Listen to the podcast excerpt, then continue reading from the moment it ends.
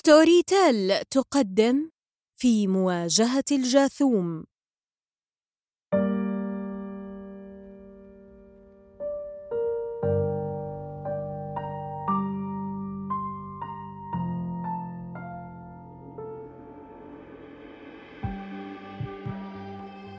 أبلغ من العمر ثلاثين عاما. أعمل مديرا تنفيذيا لشركة مساهمة. على مدار سبعة وعشرين عاما من حياتي لم أختبر شلل النوم الجاثوم حتى بدأ المرض منذ ثلاث سنوات متزامنا مع مشكلة كبيرة في العمل.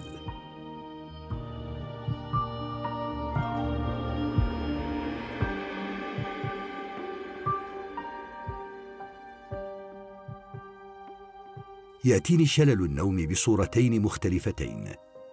إحداهما قبل النوم والأخرى في الصباح عند الاستيقاظ.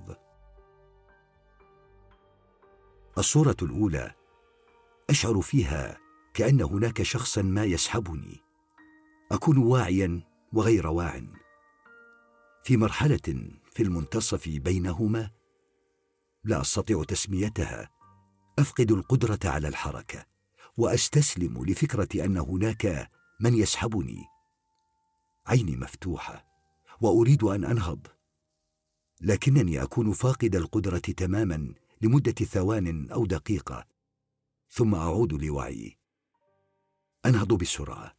أفعل أي شيء مثل غسل الوجه أو القفز بلا سبب واضح. الصورة الثانية. تكون عيناي مفتوحتين أيضا. مرحلة بين النوم والاستيقاظ. أفقد القدرة على الحركة. ولكن سرعان ما أستعيدها وأستيقظ بسهولة. كأن عقلي يستيقظ قبل جسدي. هذه الصورة ليست مأساة بالنسبة لي بالمقارنة بالصورة الأولى قبل أن يزورني شلل النوم. كان نومي طبيعيا بلا أي مشكلات.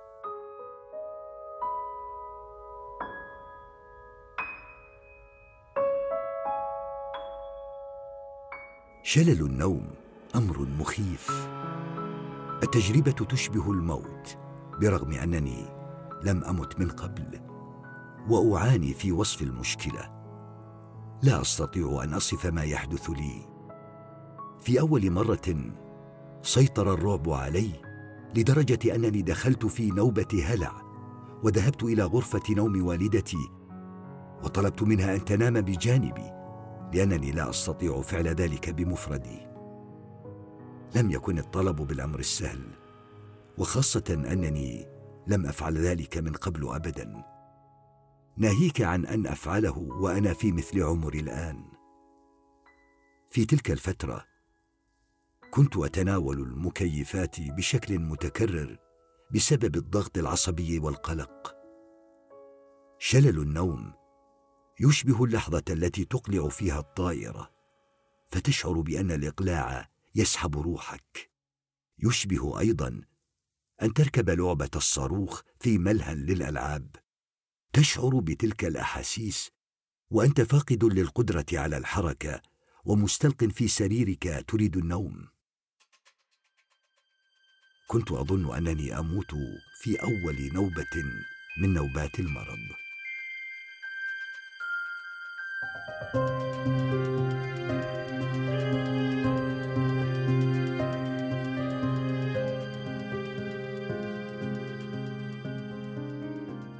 نوبة الصباح يكون الأمر مختلفا وأقل حدة. حدثت لي أول مرة بعد عشرة أيام أو أسبوعين من النوبة الليلية. كانت تجربة أقل رعبا. لا أريد أن أعاني من النوبات الليلية مرة أخرى وليس لدي أي مانع أن تزورني الصباحية كل يوم. النوبة الليلية هي التي دفعتني لزيارة الطبيبة وهو عادة أمر لا أفعله. اذ اظن دوما أنني قادر على علاج نفسي لكن هذه النوبة الليلية لم أستطع علاجها.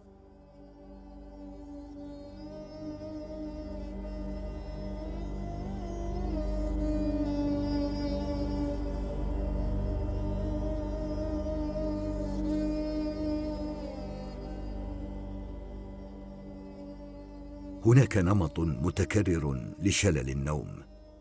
في الفترات التي أكون قلقا فيها يصيبني الشلل كل يوم أو يوما بعد يوم. تزيد في حالة تناول المكيفات. قد تبدأ بمرة في الأسبوع ثم تزيد تدريجيا.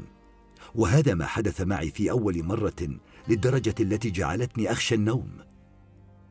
كنت أخاف أن يتكرر معي هذا العرض بشكل يومي. قمت بعمل بحث على الإنترنت عن الأعراض التي تحدث لي ووصلت إلى أن هذا يدعى شلل النوم.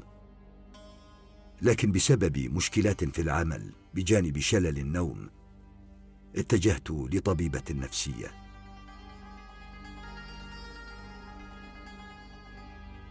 شخصتني الطبيبة باضطراب القلق وشلل النوم. وأخبرتني أن ما أفعله هو الحل الأمثل. وصفت لي مضاد اكتئاب ومحسن مزاج. نصحتني بالتعامل مع المشكلات بشكل اهدى وأن أبتعد عن المكيفات. وهذا سيقلل من حدة اضطراب النوم.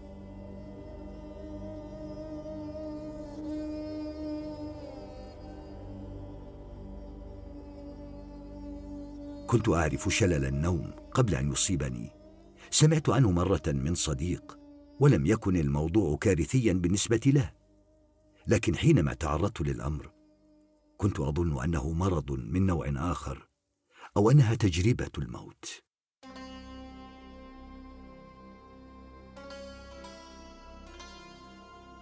حتى هذه اللحظة لا أظن أنني أجيد وصف ما يحدث معي. للدرجة التي تجعلني لا أحكي عن الموضوع لأنني عاجز عن نقل التجربة.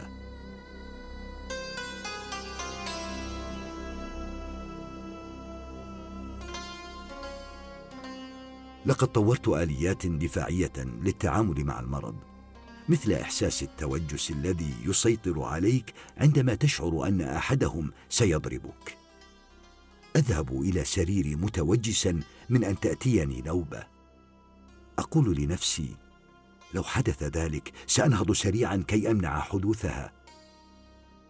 أكثر ما يخيفني أن أموت في مرة من المرات التي أشعر فيها بسحب روحي. أنا على سريري ولست في لعبة ولا في طائرة. لماذا يحدث معي هكذا؟ وأنا فقط أريد النوم.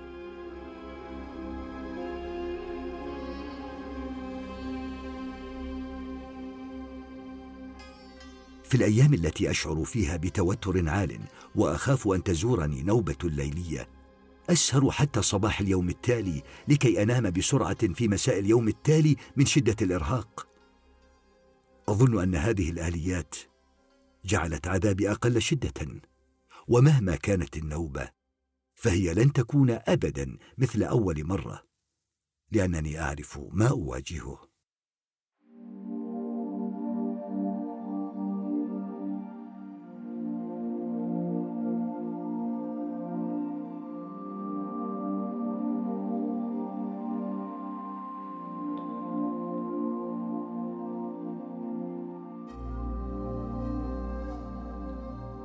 حينما بدأت بتناول الأدوية قل التوتر ونوبات الشلل. غيرت من الطريقة التي أتعامل بها مع الضغوطات في حياتي وتوقفت عن الذهاب للطبيبة. ذهبت إليها مرتين أو ثلاثا فقط وقررت أن أستمر على الأدوية لأنها حلت المشكلة بشكل كبير.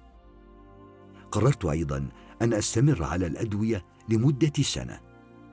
ثم أوقفها تدريجيا وهذا ما فعلته. حاليا أتناول نصف الجرعة من مضاد الاكتئاب على أمل أن أوقفه نهائيا مع الوقت. قللت الأدوية لأنني أشعر بتحسن كبير ولأنني لا أريد أن أتناول أدوية مدى الحياة. أقلق كثيرا من الأدوية النفسية.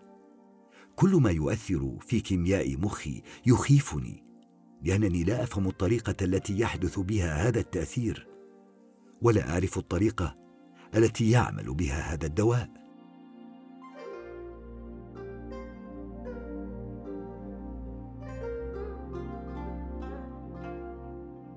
أظن أن سبب المرض هو القلق. يعود القلق إلى الوظيفة الجديدة.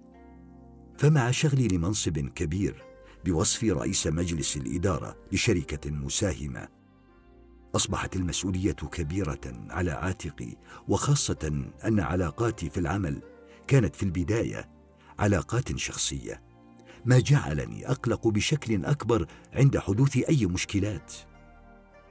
غيرني المرض وحولني من شخص متهور واندفاعي لشخص حذر وأقل تهورا.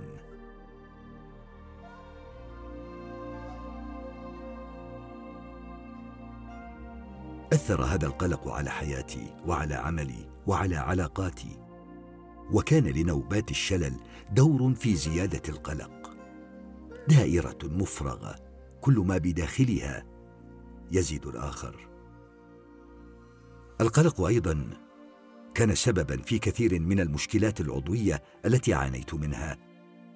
لمدة سنة كاملة مررت بكثير من الأطباء من مختلف التخصصات لأنني أشعر بدوار ودوخة شديدة. قال لي بعض الأطباء إن هناك مشكلة في التوازن بسبب مشكلة في الأذن الداخلية. وقال لي بعضهم الآخر إن هناك حاجزا انفيا يسبب هذا ويجب إزالته بعملية جراحية. وبالفعل أجريتها. ولكن لم تحل مشكلتي. كنت غير مقتنع بأن المرض النفسي يمكن أن يأتي في صورة أعراض جسدية. لم يكن يخطر في بالي أن الحل هو زيارة طبيب نفسي والاقتناع بأهمية الطب النفسي. لم أكن أفهم جملة أصل نفسيته تعبانة. حتى خضت التجربة بنفسي في عمر السابعة والعشرين.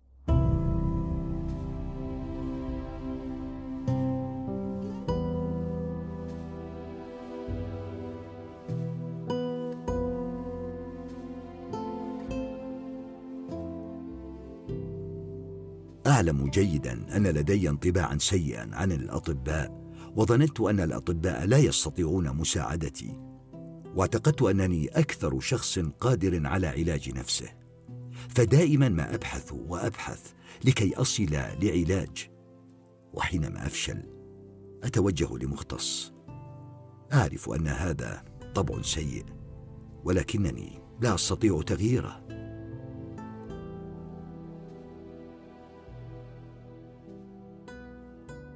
أفكر لو كان هناك توعية بالأمراض النفسية لاختلفت تجربتي تماما مع المرض واختلفت مشاعري تجاه الأطباء النفسيين. وأظن أن حالة الذعر التي مررت بها في بداية المرض كانت لتصبح أقل حدة. لو كنت أعرف بشكل أكبر عن شلل النوم واضطراب القلق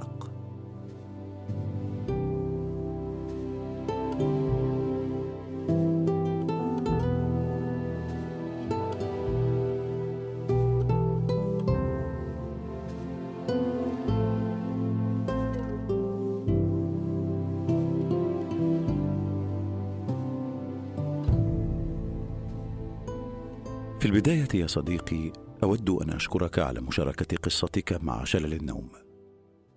وإن كان في هذا أي عزاء لك. فإنك بمجرد مشاركة قصتك مع الآخرين تسهم في خلق وعي أكبر بالصحة النفسية وكيفية الحفاظ عليها. الوعي نفسه الذي كنت تبحث عنه في رحلتك مع العلاج النفسي وتتمنى لو كان موجودا.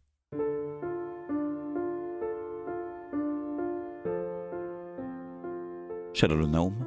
هو حالة يعجز فيها الإنسان عن الاستيقاظ أو تحريك أطرافه أو فتح عينيه أو حتى الحديث.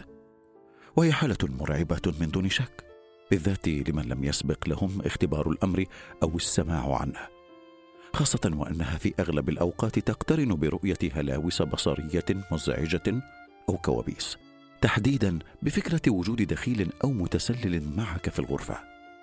شخص يخيفك. سواء كان شخصا حقيقيا في حياتك أم شخصية متخيلة شلل النوم شائع للغاية واحد من كل خمسة أشخاص يختبرون شلل النوم مرة واحدة على الأقل في حياتهم. وقد حاولت الإنسانية تفسير تلك الظاهرة عبر القرون. فربطتها بالسحر الأسود أو الوحوش الأسطورية. وأشهر خرافة هنا هي الجاثوم. ذلك الوحش الخرافي الذي يتسلل لفراش الإنسان أثناء نومه. ويجثم على صدره محاولا قتله للمفارقة يسهم الاقتناع بتلك الخرافات في زيادة توتر المريض ومن ثم زيادة أعراض شلل النوم الجسدية والنفسية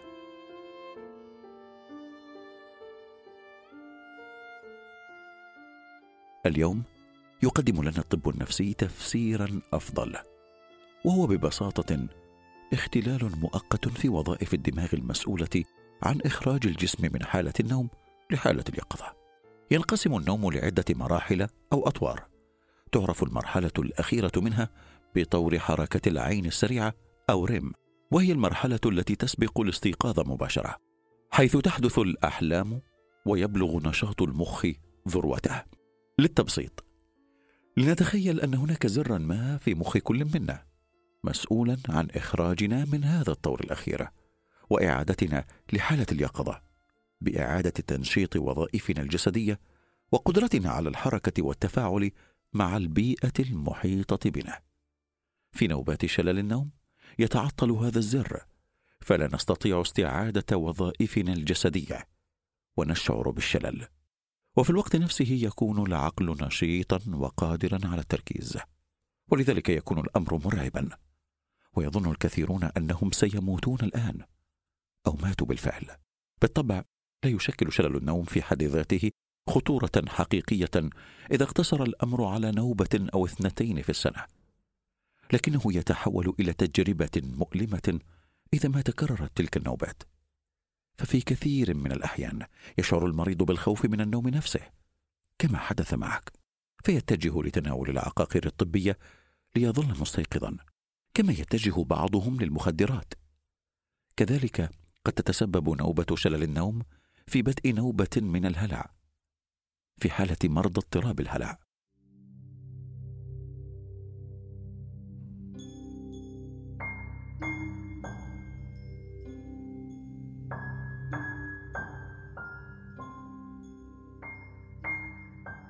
يرجع الخلل الدماغي الذي يسبب شلل النوم لعدة أسباب. أكثرها شيوعا اضطرابات القلق والتوتر. وكقاعدة كل من يعاني من نوبات متكررة من شلل النوم يعاني من واحد على الأقل من اضطرابات القلق مثل القلق المزمن أو اضطراب الهلع أو كرب ما بعد الصدمة. لكن العكس غير صحيح. في بعض الأحيان يرتبط شلل النوم بالنوم القهري ناركوليبسي وهي حالة عصبية مزمنة يعجز فيها المخ عن تنظيم آليات النوم والاستيقاظ بشكل طبيعي. فيغرق المريض في النوم فجأة في أي وقت وفي أي مكان كما يشعر بالنعاس لفترات طويلة من اليوم. يرتبط شلل النوم أيضا بعادات النوم السيئة مثل النوم المتقطع أو في أوقات مختلفة من اليوم. وترتبط النوبات البسيطة المتباعدة عند الكثيرين بتناول الأطعمة الدسمة قبل النوم مباشرة والاستلقاء على الظهر. وقد يفسر ذلك بأن امتلاء المعدة قبل النوم مع الاستلقاء على الظهر يضغط على الحجاب الحاجز فيقلل من جودة التنفس ويقل الأكسجين الواصل للمخ وتزيد فرص تعطل اليات الاستيقاظ أو الزر الذي أشرت له سابقا.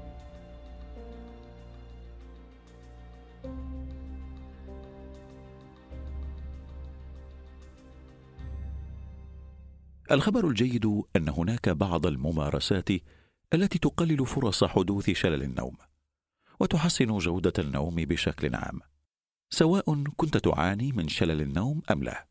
منها على سبيل المثال النوم في موعد ثابت يوميا والامتناع عن تناول المنبهات واستخدام الهواتف أو مشاهدة الأفلام أو المسلسلات المحفزة للمخ قبل النوم بساعات. كذلك إن كنت ممن يفضلون ممارسة الرياضة مساء فمن الأفضل أن تفعل ذلك قبل النوم بثلاث أو أربع ساعات على الأقل بحيث يشعر الجسم بالإنهاك. فيسترخي بحلول موعد النوم دون أن يبقى العقل نفسه نشيطا أو منتبها. هناك أيضا ما يعرف بروتين النوم وهي مجموعة من الممارسات الثابتة تختلف من شخص لآخر يحددها الشخص نفسه. ويكررها كل مساء ليمهد لعقله الدخول في حالة النوم. مثل تقليل الإضاءة أو الاستماع لأغنية هادئة أو أخذ حمام دافئ أو القراءة أو تناول المشروبات المساعدة على الاسترخاء مثل الكاموميل أو الحليب أو استخدام الزيوت العطريه مثل زيت اللافندر مثلا.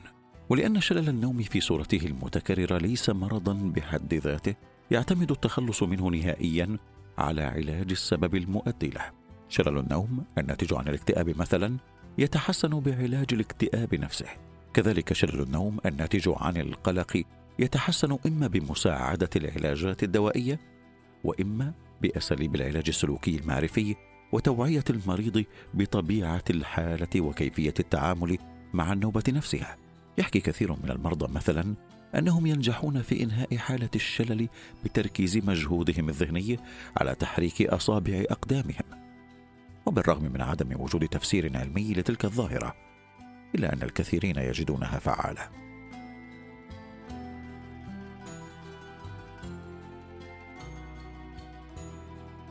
في النهاية أعلم يا عزيزي أن ثقافة طلب المساعدة والحصول على الدعم النفسي والوثوق بالأطباء والمعالجين والأدوية ليست شائعة بعد. على الأقل ليس بالقدر الكافي. مع ذلك يسرني أنك الآن تمضي في رحلة تعافيك من الاكتئاب والقلق ومن شلل النوم. وأتمنى لك نوما هانئا واحلاما سعيدة.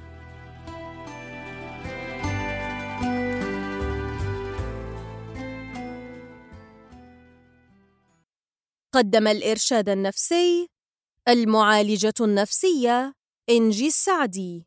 هذا المحتوى مقدم من Storytel ومدعوم وممول من قبل مشروع CFI المشغل من قبل وزارة الشؤون الخارجية والتنمية الدولية الفرنسية.